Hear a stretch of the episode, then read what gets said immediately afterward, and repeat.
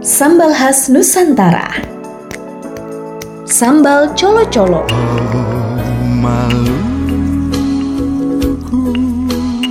Sambal colo-colo berasal dari Maluku Merupakan sambal sederhana dengan ciri khas lebih segar karena menggunakan bahan-bahan segar atau mentah.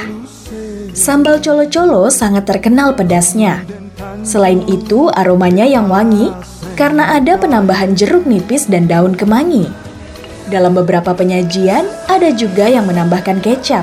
Di tempat asalnya, sambal colo-colo biasa disajikan dengan menu olahan ikan. Ikan komu asar misalnya. Ikan asap ini sangat cocok dimakan dengan nasi putih hangat, ditambah dengan sambal colo. Bahan sambal colo-colo adalah irisan cabai rawit, bawang merah, tomat, garam, lalu disiram dengan perasan jeruk nipis. Ada yang menambahkan kecap manis atau kecap asin pada sambal colo-colo dan ada yang tidak. Umumnya, sambal colo-colo ini merupakan kondimen untuk masakan ikan bakar atau goreng di Maluku. Beta sem lupa, beta sem lupa.